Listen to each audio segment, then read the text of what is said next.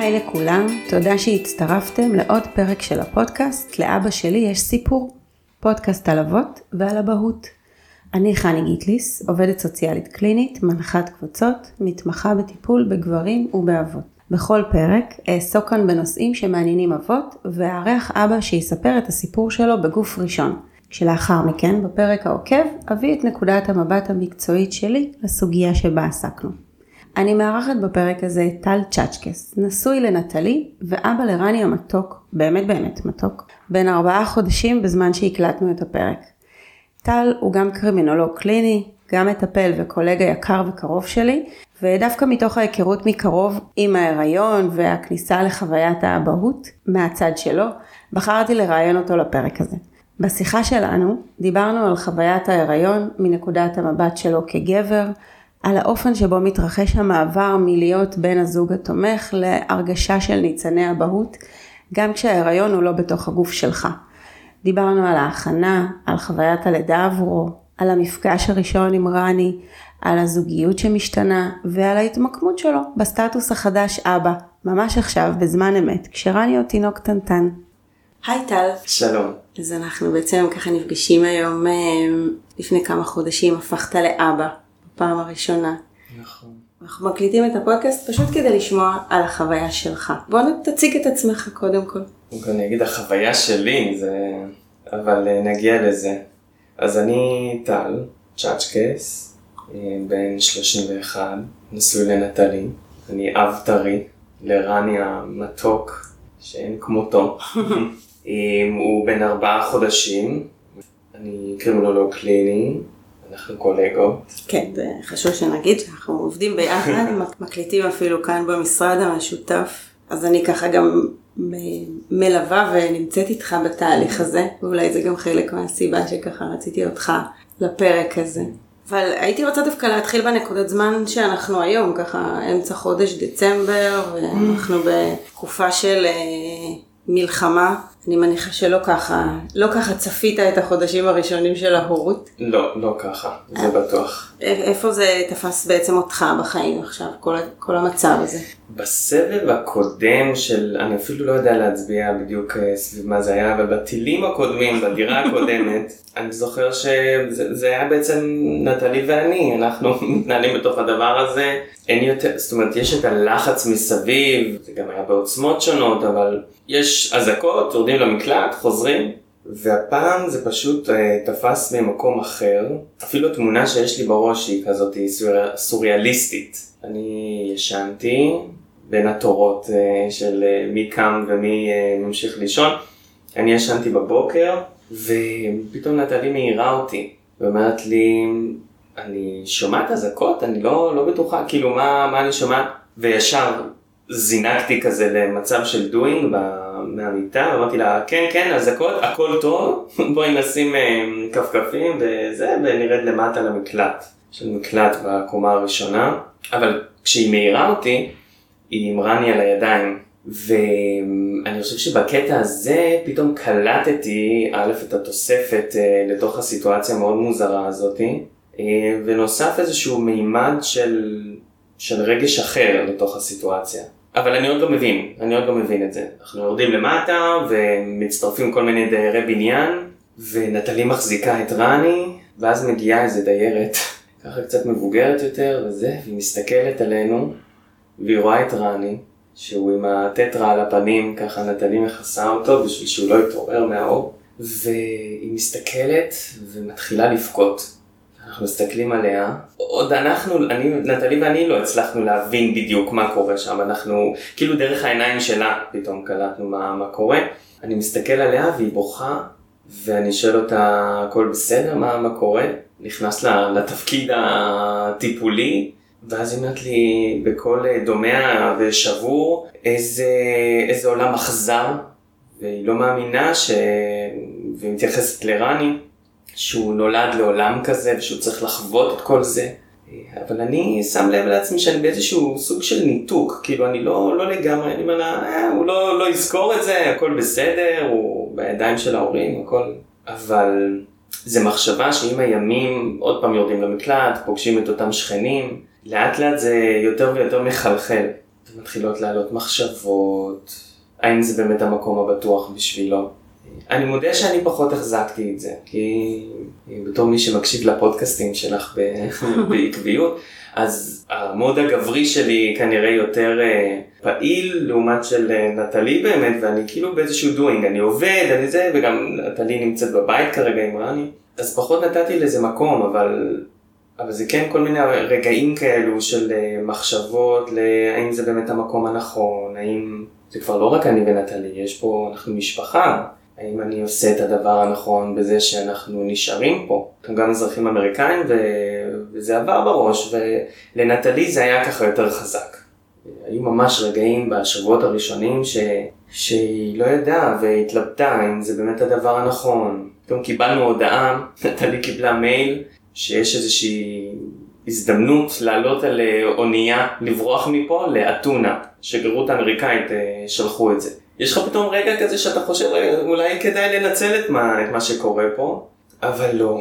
כאילו בשורה התחתונה לא. לאט לאט פשוט אה, אתה מוצא את הריטואל, מוצא את השגרה בתוך התקופה המאוד מוזרה הזאת, מעוררת חרדה, ואיכשהו חוזר כזה לסנטר ובונה איזושהי שגרת יום שמאפשרת לי גם כאבא לא להיות מופעל כל אה, רגע ביום במחשבות של האם אני עושה את הדבר הנכון, אה, האם זה נכון עבור רני, עבור המשפחה.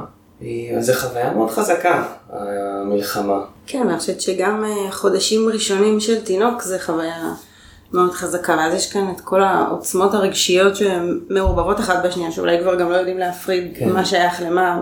כן, אני מסכים. בדיוק, איפה זה מתחיל, נגמר, ואיפה המלחמה פתאום אה, מתחילה. הכל מאוד מעורבב. אחד הדברים שאני יודע להגיד היום, זה שאני לא יכולתי להעריך בשום צורה קדימה איך אני, זאת אומרת להעריך קדימה איך אני ארגיש, איך, איך זה הולך להיות, מה, מה באמת החוויה. שום דבר בחיים שלפני לא באמת מצליח להכין אותך על ה... לחוויה הרגשית, לחוויה הגופנית סביב ההתכווננות הזאת להיות אבא. אז יש את ה... לקחנו דולה ודולה מהממת, היא באמת עשתה לנו מפגשי הכנה מצוינים, רגשיים, אבל עכשיו בדיעבד אני יודע להגיד ששום דבר לא, לא באמת יכול להכין אותך לסיטואציה הזאת, לעוצמות. היא עשתה מפגשי הכנה ללידה או גם להורות? היא עשתה מפגשי הכנה ללידה. לא להורות, שזה משהו שהוא מאוד מאוד חשוב בעיניי שיהיה. אבל אני כן יכול להגיד עליה, אה, סביב אה, האובדן שנטלי ככה חוותה של אה, אימא לפני כשנה, אז שהיא הייתה מאוד מאוד רגישה וזיהתה את הצורך של נטלי ובעצם קיימה עוד פגישות שהן יותר כזה הכנה רגשית, גם בעיקר סביב הלידה, אבל אה, גם בתפיסה ההורית. מתוך זה אני יודע להגיד גם כמה זה נחוץ, ההכנה הזאת להורות. מתוך הדברים שאת אומרת, אני לוקח ומוסיף אה, פרשנות שהם כאילו בסוף הלידה זה איזשהו אירוע אחד, מאוד מאוד עוצמתי וקצר, אבל אחר כך אתה באמת נכנס לתוך אה, חוויה מתמשכת של הורות, ששם יש באמת הרבה מקום להכנה. לכל מיני uh, דברים שמתעוררים בדרך, uh, לשדים שמתעוררים פתאום, uh, לכל מיני צדדים שאתה לא מכיר בעצמך, שפתאום יוצאים. אמא שלי מאוד אוהב לשמוע את הפודקאסט הזה. אבל את זה אתה אומר עכשיו, אחרי, נכון? אחרי. איך התכוננת, או אם בכלל חשבת כאילו על ההכנה לפני? קודם כל, כנראה שלא מספיק. בעיקר במחשבות עם עצמי, זה פחות היה בשיח, בפנטזיה. שמתי מתחילה? הפנטזיה? אוקיי, אז, אז נלך קצת אחורה באמת. אני חושב שבחודשים הראשונים, לפני שאפשר לראות כזה בטן וזה בהיריון, אה, הפנטזיה עוד לא התחילה. עוד לא הצלחתי לדמיין את זה. אה, לעומת זאת, איזושהי פענוח של הסיטואציה שאני ככה שמתי לב. לעומת זאת, נטלי מאוד חווה את הדברים בעוצמות גבוהות כבר מהרגע הראשון, כי זה בתוכה, והיא המיכל, והבדיקות, למרות שאני הייתי בכל הבדיקות, כמעט בכל הבדיקות, אבל uh, זה משהו שהיה לי חשוב מאוד להיות בו, אבל הרגשתי שיש איזשהו פער בין החוויה שלי לבין החוויה שלה, שהיא ככה נושאת את הדברים והחרדה היא יותר uh, מלווה את היום יום, ולי יש את הפריבילגיה הזאת להמשיך, לעבוד, ללכת, להתנתק, לפגוש חברים. ולא להיות עם ההיריון כל הזמן. ואז פתאום יש כל מיני רגעים כאלו של היא משתפת אותי באיזושהי התפתחות ואז אני חוזר כזה לזה שזה ממש קורה. או פתאום יש תזוזות, בוא בוא תרגיש, ואז אני, אוקיי, זה באמת קורה. אבל היא כל הזמן באיזושהי הקשבה לגוף שלה ולהתפתחות ש... שקורית, ולי יש את ה... אני אומר במרכאות פריבילגיה לא להיות עם זה כל הזמן. שמצד אחד יש לזה יתרון, כי זה באמת מאפשר לי להמשיך לחיות את החיים בצורה די שגרתית ולבנות לאט לאט, ובקצב שלי להיבנות סביב החרדה. אבל אני חושב שהחיסרון זה שפתאום יש איזשהו, איזוש, יש איזושהי נקודה כזאת שקורית בבת אחת, כבר כאילו אי אפשר להתעלם מזה, ושזה ממש במחשבה, ואני חושב ששם היוצרות uh, מתהפכות. לנטלי יש את הפריבילגיה חודשים uh, בעצם לבנות את עצמה בתוך זה, ופתאום אני לא יכול להתעלם מזה יותר, וצריך uh, בתקופת זמן מאוד מאוד קצרה, כי זה כבר קרוב ללידה, להבין מה קורה לי בתוך הדבר הזה. אז הנקודה היא לפני הלידה. למה את מתכוונת? מה זה הנקודה שבה... לפני הלידה, חד משמעית לפני הלידה. אני חושב שהנקודה היא כבר שהבטן מאוד מאוד גדולה, שיש תזוזות קיצוניות חייזריות אה, מבפנים, שכבר אי אפשר ממש להתעלם מהם, שגם נטלי היה לה כבר קשה, ו... ואז גם יש יותר שיחות סביב זה. אבל אני חושב שהרגע הכי, זה, זה באמת החודש האחרון, שהוא חודש אינסופי מבחינתי. אם כל שמונת החודשים עברו צ'יק צ'אק, החודש האחרון שאתה כבר ממש מרגיש שזה כל רגע יכול לקרות, במיוחד שפתאום חברה אחת מספרת שבשבוע 36 היא ילדה, בשבוע ככה, בשבוע זה, זה מבחינתי יכול לקרות כל רגע, וצירים שנמשכו תקופה מאוד ארוכה. הרגשתי שכל הגוף שלי מתכוונן לזה, שהמחשבות שלי הם סביב זה, ומה הולך להיות, והנה זה קורה כל אה, רגע, וצריך להכין את העבודה לגבי החופשה. אני כבר צריך להתחיל לקבל החלטות וממש לחשוב על זה, אז שם מבחינתי הנקודה הזאת. אמרת כבר פעמיים על הגוף שמתכוונן. מה קורה אצלך בחוויה הגופנית? למה אתה מתכוון? מתכוונן לזה שהגוף שלי הוא לא רק אה, כלי שמשמש רק אותי. להבנה שאני הולך ממש להשקיע אנרגיה פיזית ביצור חי חדש. בהבנה, זו שאלה קשה מה שאת אומרת עכשיו, זה כאילו איזה מין חוויה כזאת שאני מנסה לתת לה מילים אבל לא יודע עד הסוף. אבל אתה מרגיש את זה במקום מסוים בגוף? זה, זה, זה גם חוויה שהיא פיזית שלך, או שזה מחשבות על זה? זה בעיקר מחשבות על זה, אבל כן הרגשתי את הגוף מתכווץ לקראת החוויה. יש איזשהו קיבוץ, גם מתוך תחושת חרדה לקראת משהו שאני לא יודע איך, איך להכין את עצמי אליו ומה הולך להיות. אז יש איזשהו קיבוץ של הגוף, יותר מתח. דריכות כזאת. דריכות. כן, יש גם דריכות. אז בשלב הזה שאתם כבר מדברים על לידה ואתה כבר מרגיש את עצמך דרוך, מה אתה תופס את המקום שלך, בתוך כל מה שמתרחש? אז המקום שלי, גם מתוך המפגשי ההכנה עם אה, ורד אדולה, לא, לא חושב שאמרתי את השם שלנו קודם, אני חושב שזה חשוב. הבנתי שלא משנה כמה אני חושב שאני שותף שווה בסיטואציה הזאת, אני פשוט לא.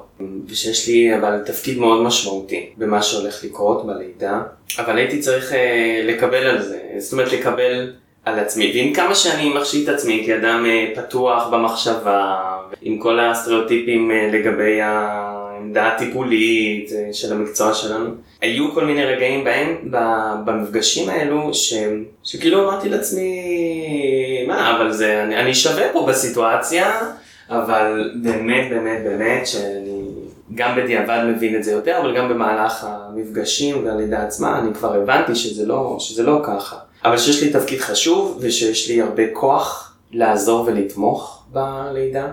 הרבה כוח ומשמעות באיך הדברים ייראו, ושאני מקבל את זה על עצמי. זאת אומרת, אני לוקח את התפקיד הזה, מחבק אותו. מבחינתי אני עכשיו במשימה הנה שוב אני מדבר במונחים של משימה ותפקיד, אבל זה ככה, אני במשימה, איך אני הופך את החוויה הזאת לכמה שיותר טובה עבורה. כשאני יודע שיש דברים שלא, שגם לא קשורים אליי, יש בי, זאת אומרת, יש מגבלה ליכולת שלי לעזור, אבל אני מצידי ואני אעשה את המקסימום. לפני שנגיע ללידה, אתה מרגיש שההיריון שינה אותך באיזושהי דרך? באיזה אופן? זאת אומרת, מה, למה את מתכוונת? ש... כאילו אם אתה מרגיש שזה עשה לך איזשהו שינוי, אני חושבת ככה, אצל אנשים באמת קודם כל בולטת מן הסתם, בולט השינוי גם הגופני, כן. אבל גם זה נמצא בכל דבר, זה כל הזמן, אבל השאלה אם אתה מרגיש שהתקופה של ההיריון עשתה גם בך או השפיעה עליך גם באיזשהו אופן. השפיעה, היא בטוח השפיעה, כי כמו שאמרתי מקודם, זה ממש ההתכווננות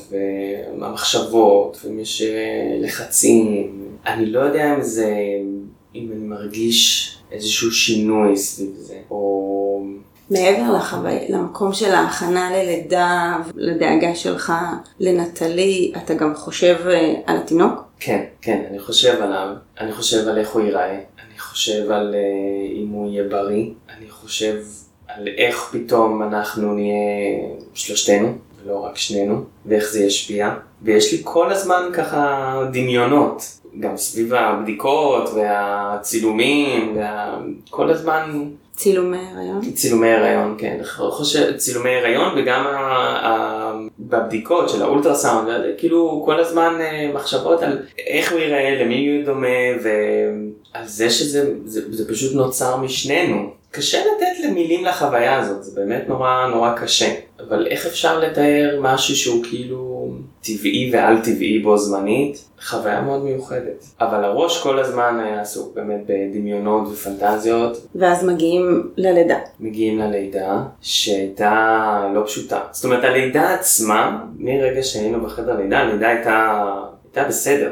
אבל המסע לרגע הזה, זה פשוט מסע. היו כל מיני רגעים במהלך השבועות האחרונים שאמרנו כן, לא, אלה צירים, צירים של לידה, לא צירים של לידה, ואני שואל את נטלי כאילו, איפה את ממקמת את זה בסקאלה? מ-1 עד 10, ואז היא אומרת, נראה לי 4, נראה לי זה, ואז אני אומרת, תקשיבי, מהסיפורים שאני שומע, מהזה, אני לא, כשזה יהיה זה, את uh, תרגישי, כאילו, זה לא יהיה, אני לא יודעת, אם זה 3, אם זה 4, זה, זה יורגש. היו כמה פעמים שהלכנו uh, למיון נשים, כדי ככה לבדוק את ההתקדמות, והיא הייתה גם במעקב של סכרת, אז בין לבין דאגנו כל הזמן להשאיר את הבית במצב שהוא מסודר ומתוקתק, זה מאוד חשוב לנטלי וגם לי, שכשנחזור זה יהיה הכל מסודר ומוכן, וככה לקחנו את המזוודות איתנו עם כל הציוד, וכל פעם חזרנו הביתה, קצת מאוכזבים, מלאי ציפייה, ו- וגם דאגנו באמת להיות כל הזמן במצב של...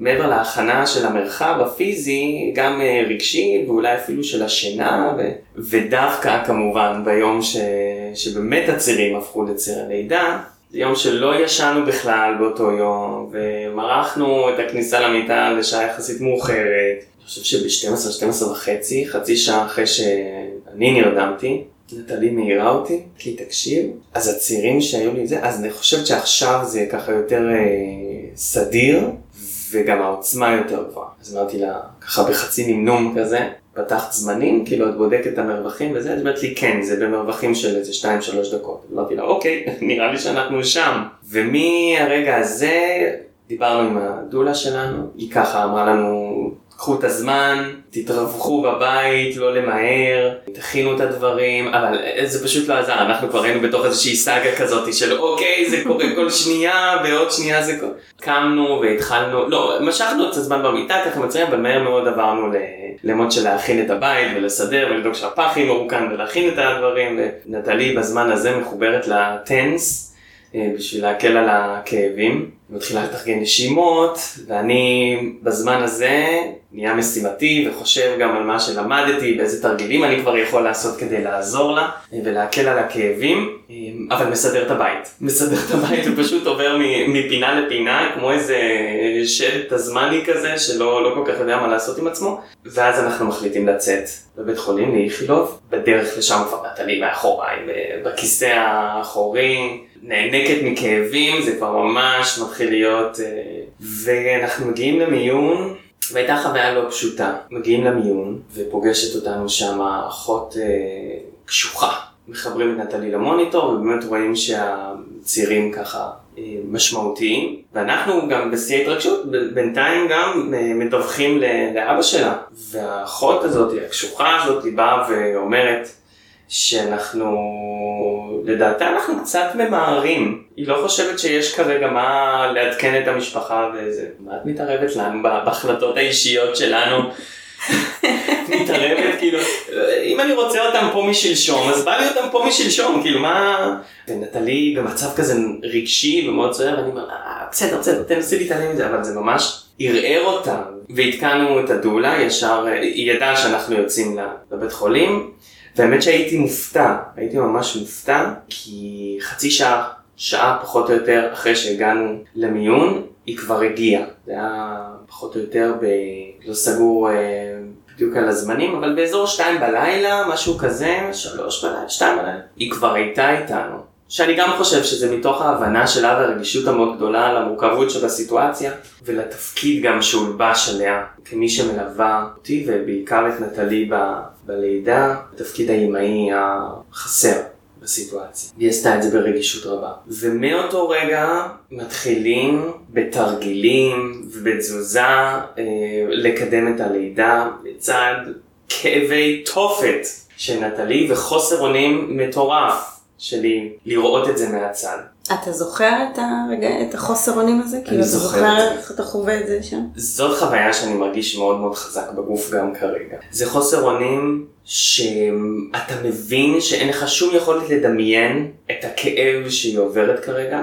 יש לי כל מיני רפרנסים אה, להשוות אליהם מדברים אחרים שהיא התמודדה בעבר ואני הייתי לצידה וזה ואני פשוט רואה שזה לא דומה לשום, לשום דבר אחר. ואני עושה את התרגילים ובוחר לקחת חלק אפילו שוורד שם אבל בוחר לקחת חלק להיות בתרגילים לעזור לה ובנשימות ובלחיצות ובכל דברים האלו כי זו הדרך שלי להתמודד עם החוסר אונים להרגיש שאני עושה משהו אבל גם לזה יש איזשהו לימיט. אני רואה שבאיזשהו שלב הדברים שאני עושה הם כבר לא מספיק עוזרים ושהכאב הוא פשוט שם ושאנחנו פשוט שוהים בין ציר לציר. אני חושב שזה היה משלוש בלילה עד אה, פחות או יותר עשר בבוקר שרק היא נכנסה לחדר לידה שבזמן הזה יש צירים כל דקה וחצי. זה הייתה התדירות.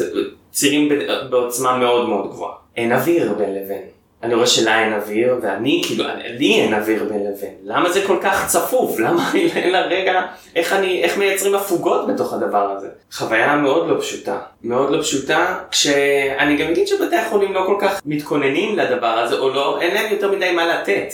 סביב זה. לנו במקרה היה איזשהו חדר שמה, שזה מין חדר אה, חירום, שמסתבר שזה מין כזה בסוד כזה, שרק מי שיודע לבקש את זה, או להגיד, אז אולי יקבל את החדר, אבל ככה, אני זוכר בפעמים שהיינו במיון, את כל האנשים שקבצו שם על הכדורים ונאנקות מכאבים, ואני מסתכל על זה ככה מהצד בביקורת, אה, איך היא ככה אה, עושה מזה דרמה, כל מיני מחשבות עם עצמי. אפילו גם נטלי הייתה ביקורתית קצת לגבי העניין הזה, שהציפייה של הצוות שם, זה שפשוט נעביר את השעות של הצירים על הכיסאות במסדרון, ואיזה כדור מטונף שמתגלגל שם בין כולן, ושככה זה פשוט יהיה.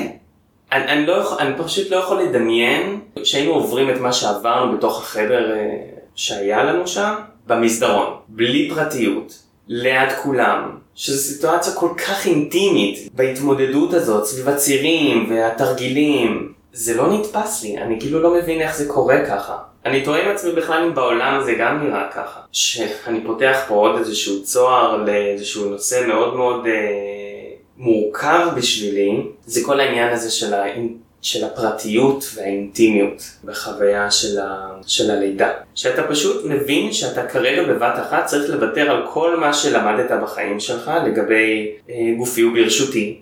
והפרטיות שלך לגבי המרחב הפיזי. יכול להיות שנשים קצת יותר מתורגלות בזה בגלל שאתן הולכות לבדיקות אצל אה, אה, רופא נשים, ולמרות שאני עדיין גם סביב זה שומע עד כמה זו התמודדות מורכבת, כל פעם ללכת ולשים שם את הגוף לאיזושהי בדיקה פולשנית, זה חוויה לא פשוטה.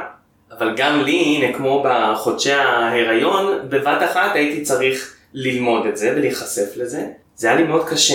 שפשוט כל מיני אנשי מקצוע וכל מיני אחיות בתורן במשמרות שונות נכנסות ובודקות את הגוף ואנשים שככה רואים מהצד את החוויה של הצעירים ופשוט אין, אין פרטיות. וזו חוויה מורכבת. גם כשאתה בעצם, הצופה מהצד, גם, גם אתה בעצם כאיזשהו תפקיד של צופה מהצד. נכון. שגם אני צופה מהצד, אז נטלי כל הזמן הבהירה לי, וזה משהו שנוכח בקשר שלנו, זה שהיא כל הזמן אומרת כמה אני דווקא המקום הבטוח. וכמה היא לא חווה אותי כצופה מהצד, שמפר איזשהו, אה, איזשהו מרחב של אה, פרטיות. לא, לא התכוונתי שאתה מפר, התכוונתי שאתה רואה את הפרטיות שלה מופרת. נכון, אה, אוקיי, נכון, כאילו, נכון, אני יודע, הבנתי שלא לא התכוונת לזה שאני מפר את הפרטיות, אבל כן, כן, שאני רואה את זה גם מהצד, אני לא יודע כמה זמן, כמה היא החזיקה את זה, כמו שאחר כך אני הנכחתי את זה בשיחות שלנו, שדיברנו את זה ביחד עם חברים, וזה משהו מאוד מאוד חזק ש... ששמתי, הרגשתי אפילו כאילו פתאום אני פועל מתוך איזושהי תחושת שליחות כגבר, לבוא ולדבר על החוויה הנשית המורכבת הזאת, של איך זה לראות מהצד ולתת לזה הכרה. כאילו ממש הרגשתי שאני חייב לעשות את זה, לשים את זה על השולחן, כי אפרופו הכנה ללידה והכנה להורות, אני לא חושב ש... שיש מספיק שיח בעניין הזה לפני. כי כאילו אולי מתוך איזושהי מחשבה שאם נדבר על זה אז אולי זה יעורר חרדה לקראת. הלידה עצמה, ו... אבל אני חושב שזה חשוב. אני חושב שזה חשוב לא, לא להימנע משיח בנושא הזה, אני חושב שיש לזה הרבה ערך להתכווננות ולהיערכות לקראת החוויה הזאת, כי אני חוויתי את זה מאוד מאוד פולשני. גם לאחר מכן הייתה התמודדות, אחרי הלידה, אחרי שהיא קיבלה אפידורל, באמת זה היה חוויה אחרת לגמרי, זה מתוך כל השעות של הצעירים, והיא באמת עשתה עבודה עבודה, אני אומר לך עבודה, אבל היא עמדה בזה בגבורה גדולה, אבל אחר כך, עם כל מיני פרוצדורות רפואיות שהיא עוד הייתה צריכה לעבור, אה, היו קצת סיבוכים, העניין של הפולשנות, כך חלק מאוד מאוד משמעותי, וחוסר האונים שלי מהצד גדל. אני חושב שכשאני מדבר על זה עכשיו נהיה לי חם בגוף. יש מצב גדול שזה נרשם כאיזושהי חוויה טראומטית גם אצלי. קשה לי לחזור לרגעים האלו, יש לי הרבה ביקורת וכעס על מה שקרה שם, על דברים שהייתה צריכה לחוות, עם חוסר רגישות מהצוות, ואני כל הזמן אומר לעצמי, אין מה לעשות, צריכים לעבור את זה וזה, אבל ככל שאנחנו מדברים על זה יותר, אני מבין שפשוט קרו שם כל מיני דברים שלא היו צריכים לקרות, ועם קצת יותר הקשבה ורגישות לסיטואציה, הדברים יכלו להיראות אחרת, וזה כנראה משהו שילווה אותנו לקראת הלידה הבאה. גם יש הרבה רגישות שלך באופן שבו אתה שומר על זה גם כאן, כאילו על הפרטיות שלה, ו- ואתה מתאר באמת איך אתה חווית את זה מהמקום שלך, וכאילו עלתה לי שאלה כשאמרת שלא מדברים על החלקים האלה, אם בכלל מעבר להכנה נגיד עם הדולה, אם יצא לך בכלל לשמוע סיפורים של לידות לפני, זה בכלל העסיק אותך לשמוע סיפורים על לידות. כן, אז כל הזמן אמרו לנו לא לשמוע סיפורי זוועות, כי בשביל מה? אבל אה, יצא לי בסביבת עבודה השנייה שלי, ש... רובן נשים שם. כן שמעתי כל מיני חוויות וסיפורים. אז כל הזמן הייתי בדינמיקה הזאת של כן כאילו לדבר על זה, אבל מצד שני לא יותר מדי, כדי לא להכניס לעצמי כל מיני חרדות ומחשבות. מעניין גם מה נחשב סיפורי זוועות, כי גם אתה אמרת בסך הכל הלידה הייתה טובה, אבל בתוך גם לידה טובה יש כל מיני חלקים שלא פשוטים להכיל, וגם כל אחד אולי ייקח משהו אחר שיעורר אצלו כל מיני רגשות סביב זה. נכון. אז יש דברים שברמה אובייקטיבית כנראה כמו לידה ברחוב, שכאילו מבחינתי זה נתפס כסיפור זוועה, אה, זה ברמה אובייקטיבית, אבל זה בדיוק זה, כאילו החוויה הסובייקטיבית גם בלי איזשהו, איזושהי דרמה כל כך גדולה, היא חוויה לא פשוטה, כאילו זה, הגוף עובר שינויים פיזיים, ממש, די דרמטיים בתוך כל החוויה הזאת. המעבר מחדר לחדר, הבדיקות שעושים, אנשים שעוברים עוד ועוד בתוך הסיטואציה הזאת ומתחלפים, זה ממש ניואנסים קטנים שאני חושב שתוך כדי אתה מתנתק מזה, אתה לא מרשה לעצמך להישאב, אבל אחר כך אתה מבין שיש להם, החוויה היא חוויה אינטגרטיבית ומורכבת.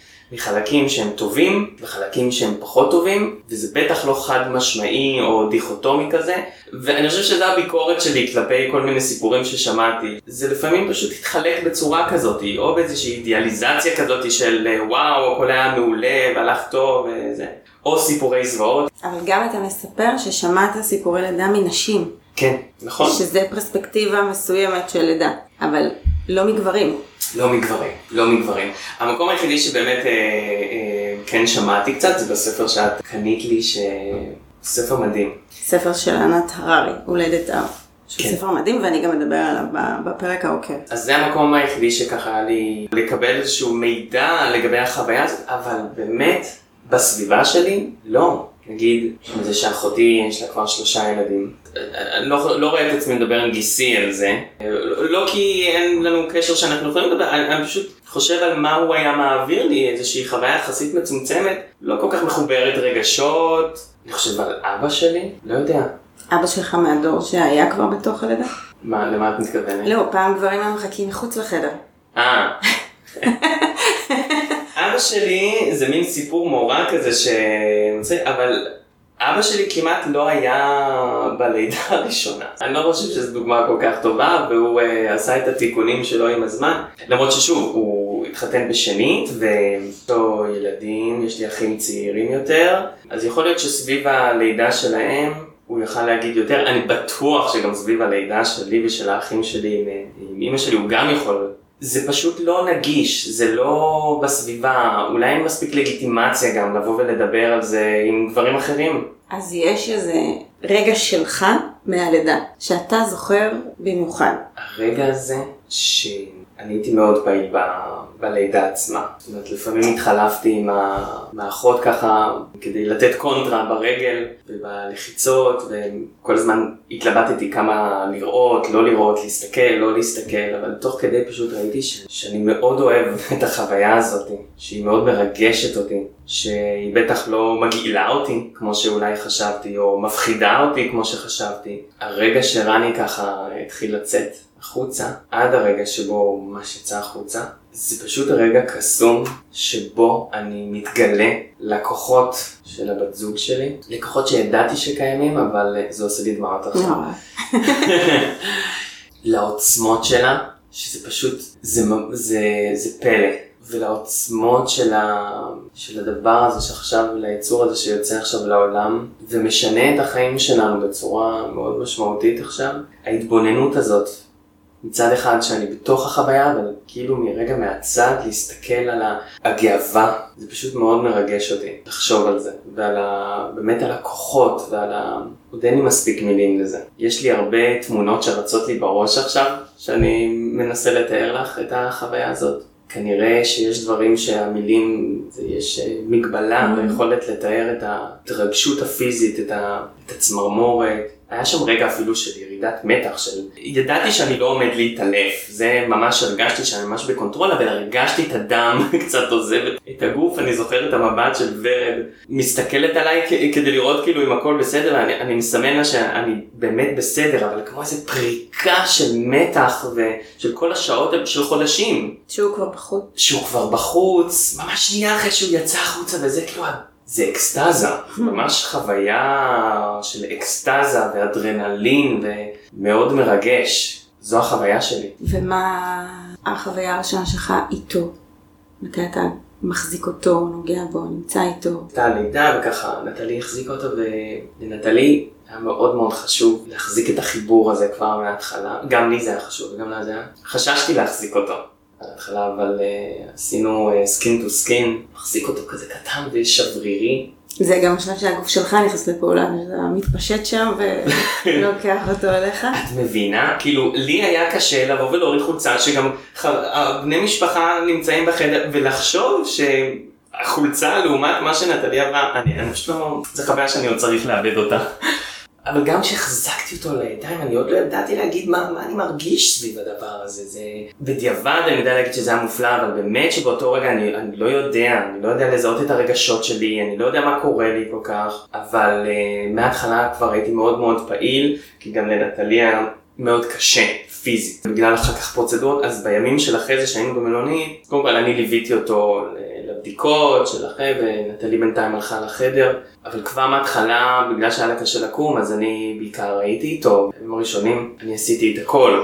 אני חיתלתי אותו וקמתי בלילה כי פשוט פיזית היא לא יכלה, גם זה יצר הרבה תסכול אצלה, הרבה אשמה. כאילו כל הזמן ניסיתי לנרמל את זה, אבל אני מאוד יכול להבין. ממש מהר מאוד נכנסתי לפעולה, ואני חושב אה, שזה היה טוב. זה עזר לי להתמודד עם ההימנעות ועם החרדה מלהיות במגע וממש ככה לחתל ולהחזיק, וזה היה טוב. בשבילי, אני יודע שבשביל נטלי זה היה פחות טוב, יותר מורכב. ומאז עברו כמעט ארבעה חודשים. מה זה בשבילך?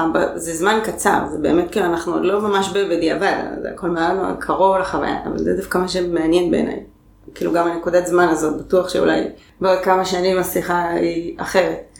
אבל עכשיו בחודשים האלה, כאילו מה אתה מבין על, על אבהות? שאלה נורא קשה. קודם כל באמת כל יום הוא, הוא יום חדש והוא אחר. כל הזמן גם רני גדל ומתפתח, גם בתקופת זמן של ארבעה חודשים, זאת אומרת כל כך הרבה דברים קורים בזמן כל כך קצר. אז אחד הדברים זה באמת שזה מצריך ממך גמישות והתפתחות לצד ההתפתחות שלו, כל הזמן להשתכלל אה, לתוך הסיטואציה הזאת. אני אהבתי משהו שאת אמרת לי, אני חושב שזה את אמרת לי, כן? שבגילאים האלו כל הזמן הם מעדכנים גרסה. אני מאוד אוהב את זה, אני משתמש במילים האלו הרבה, ואני מוצא גם שכשאני אומר את זה לאנשים אחרים הם מאוד מזדהים עם, ה, עם הדוגמה הזאת, אבל גם, גם אני מעדכן גרסה כל הזמן. האבהות מפגישה אותך אה, עם שינויים, עם שינויים בזוגיות, אי אפשר להתכחש לזה. זה משהו שנכנס, כאילו לא משנה כמה אתה אומר לעצמך לפני זה, אני, נטלי זורקת לי את זה פה ושם בהערות של מה אמרתי לפני ומה אחרי, יש שינוי בזוגיות, לטובה, פחות לטובה, בכל מיני תחומים, יש שינוי במחשבה, אם לפני זה הייתי ברשותי לעצמי, היום, אני באמת רוב היום עסוק ברני ובנטלי עם רני, ברגעים שאני אולי מפספס. בגעגוע, פשוט משנה את היום יום שלך בצורה... אתה פשוט מבין שאתה לא רק לעצמך. אז געגוע אליהם? געגוע אליהם, כן. אתמול נגיד, לא הייתי כל היום בבית, יצאתי מוקדם, חזרתי מאוחר, הוא כבר ישן, בא להיכנס למיטה, ואני פתאום קולט שאני לא ראיתי אותו כל היום, והוא פה חדר לידי. כשנטלי קמה להאכיל אותו, בהאכלה הראשונה, אני לא יכולתי, אמרתי, אני חייב לקום, לתת לו רגע נשיקה, להריח אותו, כי לא יכולתי לשאת את המחשבה שהוא פה חדר לידי, ואני לא רגע הולך אה, להסתכל עליו אחרי שיום שלם אני לא, לא ראיתי אותו. אתה בעצם חזרת לעבודה אחרי שבוע וחצי, שבועיים. שבועיים. כאילו, ואתה מתאר את השינוי, באמת היא נשארת איתו בבית, ואתה חוזר לשגרה שלך באיזשהו אופן. כן, זה יצא ככה מין כזה די טוב, אני אגיד, וגם במרכאות, כי א', הגיעו חגים מיד אחרי זה, יכולתי להיות יותר בבית, וזה קצת המשיך את החופשת לידה. בצער רב גם הגיעה המלחמה אחר כך שהחזירה את כולנו לבתים לתקופה ששיתקה אותנו, את רובנו ואת כולנו. הרווח האישי זה שהייתי עם המשפחה ועם רני. אבל אני אגיד בכנות שזה גם היה לי טוב לחזור לעבודה. שמחתי לחזור לעבודה, שמחתי לחזור לדברים שאני אוהב ושעושים לי טוב גם. אם אני הרגשתי שאני צריך את זה, שאני צריך את זה לצד האבהות. כדי לאפשר לעצמי את הדלק הזה, כדי להיות בשביל, בשביל נטלי ובשביל רני. ואני כל הזמן באמת במחשבה סביב זה, איך זה בשביל נטלי. היא לקחה על עצמה את התפקיד הזה, אני גם לא יודע עד כמה, זה עוד איזה משהו שאני חושב עליו. עד כמה היא לקחה ועד כמה בכלל זה היה בשיח שאני דווקא אשאר בבית ושהיא תצא לעבודה. אני כן יודע שזה משהו שהיא רוצה, אבל זה פשוט לא משהו שעלה בשיח, שהיא רצתה להישאר בבית עם רני, אבל uh, היא, לא, היא לא זוכה לרגעים האלו שהיא יכולה להתנתק וזה... לצאת להתאמן עם חברות, ו... אבל זה לא כמו לצאת לימים שלמים באמת. אז מצד אחד אני מרגיש שאני צריך את זה בשביל עצמי, ובשבילם, ומצד שני מתעורר בי געגוע, לפעמים קצת אשמה על זה, שאני לא, אולי אני לא מספיק. למשל בלילות, בחלוקה של, ה, של ההכלה, כאילו לאחרונה אני קצת יותר מתעקש על הלילות שאני צריך לישון באמת שעות רציפות כדי להצליח להיות מרוכז בעבודה אחר כך, כי אני עובד שעות ארוכות. יש לי הרבה אשמה סביב זה. זה משהו שרגע אני חייב, אפילו שזה היה מתוך השאלה, רגע לתת, לנרמל את העניין הזה בלגיטימציה, לדבר על מה שקורה בלילות. אני חושב שזה נורא נורא חשוב, הדברים שאתה מגלה בעצמך בלילות, השדים שמתעוררים שם, והתוקפנות לפעמים שיוצאת, אתה בן אדם אחר בלילה. כשאתה לא ישן קורים דברים אחרים ולא בהכרח טובים. וששירותי הרווחה לא שומעים את הפודקאסט הזה. אם שירותי הרווחה הם הורים, אז הם בסדר, יודעים במה מדובר. בדיוק, אוקיי, לא כזה. בדיוק, אני מקווה שאם שירותי הרווחה מקשיבים, אז שיש שם איזושהי אימא או אבא, ושיצליחו להתחבר לזה. וואו, זה באמת, אתה מוצא את עצמך קופץ על הכדור, מנסה, כדור פיזיו כזה, מנסה להרדים אותו, ואני קולט שכאילו, חוסר אונים והוא משתולל לי בידיים ואני, אה, מה אני עושה? דברים יוצאים ממך, אז כאילו מצד אחד אני מנסה להיות קשוב לגוף שלי ולמה שאני צריך באמת כדי גם אחר כך לתפקד ברמה ההורית ובעבודה. מצד שני, בגלל שאני כן הייתי קם אה, בתקופה הזאת שהייתי יותר בבית וזה, יותר במהלך הלילות, אני יודע כמה זה קשה, ואני יודע עם מה נטלי צריכה להתמודד, וכמה לבד אתה פתאום מרגיש בתוך הסיטואציה הזאת. בלילה, במקומות האלו מתעורר בי אה, אשמה. על זה שהיא נשארת אה, הרבה מאוד איתו לבד. כן. שאתה חווה את זה בעיקר בלילות. אה, כן, כן. או ברגעים באמת שככה היא יוצאת עם חברות, שזה לא כזה קורה הרבה, זה כן קורה אבל לא הרבה, ואז, ואז פתאום אני צריך להתמודד עם איזשהו משהו, כי לא תמיד הכל הולך חלק. אבל אני מחשיב את עצמי כמאוד מעורב ומאוד, אה, וואי, אני חייב לספר משהו שם. זה בהקשר הזה. ביום ראשון ראינו אה, גן בבוקר, ואז אחר כך הלכנו לשבת בבית קפה, והרדמתי את רני על הידיים. ישבנו בחוץ ואני ככה מנענע אותו ומזיז אותו מצד לצד, הוא עם הטטרה על הפנים, ככה הוא אוהב להירדם, ב... שיש לו את הבד על הפנים, ואני מזיז אותו מצד לצד, מרדים אותו, שם אותו בעגלה. אנחנו יושבים, ואז ניגשת אלינו מישהי זרה ברחוב, ואומרת, אני חייבת להגיד לך משהו. אז אמרתי לה, כן. אמרתי לי, תקשיב, שתי אופציות. או שאתה גיי, או שאתה אב השנה. מסתכל עליה. אני ונטלי מסתכלים אחד לשני בהלם, לא יודעים לעכל כל כך את ה... ואם אתה גיי אתה לא יכול להיות גם אב השנה? למה זה בהכרח שתי אופציות? לא הבנתי את הבחירה.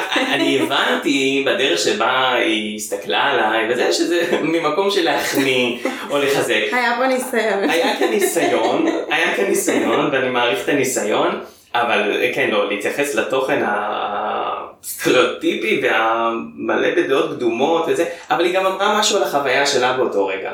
היא גם אמרה משהו על הבת שלה, אבל היא זרקה איזשהו משהו שכאילו הן מדברות על זה, ועל זה שאצלה זה קצת פחות קורה, אז בגלל זה אני מחשיב את עצמי כמעורב, גם נטלי אומרת את זה, מחזקת אותי על, ה, על הדברים האלו, בלי השוואה לאחרים, ואני פשוט עם עצמי, יש רגעים שפשוט הייתי רוצה יותר. מעניין איך המראות האלה מאנשים אחרים, גם האישה מהמקלט וגם האישה הזאתי, כאילו שפתאום גורם לך להרהר באיך אתה ואיך... משהו על הסיטואציה שלך, כאילו פתאום, איך זה משתקף מבחוץ לאנשים אחרים. כן, ככה אמרתי מקודם שמהר מאוד נכנסתי לאיזשהו מצב של doing ולחתל את רני ולהיות איתו בלילות של אחרי הלידה, אבל מבחינת החיבור הרגשי אני חושב שרק אחרי חודשיים, מה היה המדד שלי לזה? זה אם אני בעבודה, מה המחשבות שלי. רק אחרי חודשיים ממש הרגשתי שאני מתגעגע. נטלי פתאום הייתה שולחת סרטונים וזה, ואני פתאום קולט שאני עושה פרצוף מטומטם ל, ל, לטלפון שלי, של מין, כאילו אני מתקרב, אני מנסה להיבלע לתוך הטלפון, להתקרב אליו. רק באזור החודשיים יכול להגיד שאני ממש אה, מרגיש את החיבור הזה, את החיבור הרגשי. זה באמת חוויה נפוצה אצל אבות, שלוקח זמן לתת לחיבור הרגשי להגיע. הרבה אבות מספרים על זה ואפילו יותר מאוחר, מחודשיים. אני חושבת שזה חשוב להגיד, כי חשוב להגיד שזה, שזה משהו נורמלי, שזה לא מעיד משהו על הקשר, כי באמת יש משהו בחוויית ההיריון, כל ההתחברות, ההתקשרות מתחילה עוד לפני הלידה. ואבות, רגע צריכים באמת למצוא את עצמם בתוך הסיטואציה, ויש גם איזשהו מעבר אולי, בהתחלה אני ככה חושב עליהם, ואולי בהתחלה אתה מאוד עסוק באיך נטלי, mm-hmm. כשהיא איתו בבית, ואחר כך זה יותר עובר לאיך הוא. אני מסכים, כן. ואתה חושב שהאבהות, יש לה גם השפעה עליך במקומות אחרים של החיים? על האישיות שלך? כן, אני חושב שאני עדיין, אני מתבגר, אני בתהליך של התבגרות. אמרתי מקודם שאימא שלי תשמח לשמוע את הפודקאסט הזה, כי אני פשוט מבין על הרבה דברים, הרבה דברים שאולי הייתי ביקורתי כלפי ההורים שלי. אני מצליח להתחבר באמת ממקום אה, רגשי מאוד מאוד עמוק למורכבות שסביב החוויה ההורית, אז בטח משפיע על האישיות שלי. זה משנה עמדות, אה, אמונות ליבה. זה משפיע במידה מסוימת על המזג שלי, על התגובות שלי. זה משפיע על האני החברתי, כי גם אובייקטיבית אני, אני, אני רגיל לפגוש את החברים שלי הרבה. כל פעם שהיינו נפגשים בלעדיהם את זה, זה פומו. ככה בחבורה הקרובה זה... שהם נפגשים בלעדיך. שהם נפגשים בלעדיי. אני מתאבל פה על איזושהי תקופה שלא... שלא... שאין מה לעשות, זה כבר לא יהיה אותו דבר. אני מרגיש שאני מוכן, וזה השלב להתמודד עם זה, וזה בסדר, אבל, אבל זה קשה. של אני הוא ברשותי. אני הוא ברשותי. כאילו זה, זה מה שהיה, ועכשיו ככה יש הרבה יותר מחויבות, וצריכים אותך יותר במקומות אחרים. ואתה גם וויתורים. רוצה להיות במק- במקומות אחרים, לא רק כי אתה צריך, אלא כי אתה גם עושה פה בחירות. נכון. אבל באמת, אני, אני חושב, מעיד על עצמי שאני יותר מוכן, שאני באמת הגעתי לחוויה הזאת מוכן, דרך אגב בטיפול, כן, עברתי טיפול וזה נושא ש, שדיברתי עליו הרבה שם, אז אני זוקף את ההכנה שלי לזה, גם באמת לטיפול ולזה שהיה לי מרחב לדבר על זה. אם זה היה לפני שנתיים, שלוש, אני חושב שלא הייתי מספיק אה, יודע לוותר על המקומות האלו, ונשאר יותר בחוויה של פומו. והיום אני ממש באיזושהי השלמה, כאילו דברים קורים מסביבי, ואני פשוט מרגיש שבא לי להיות יותר עם המשפחה שלי. החברים שלך הם גם אבות כבר? הגברים. הגברים. אז יש חבר אחד, חבר רחוק כזה בחבורה, אבל בחבורה הקרובה אה, לא, עדיין לא, ואני מאוד מחכה לזה. שזה גם עניין. זה עניין. לעומת החברות של נטלי, שבשלושה חודשים האחרונים, ארבעה חודשים האחרונים, ארבע מהן אה, ילדו. יש baby boom. יש, בום של, לידות.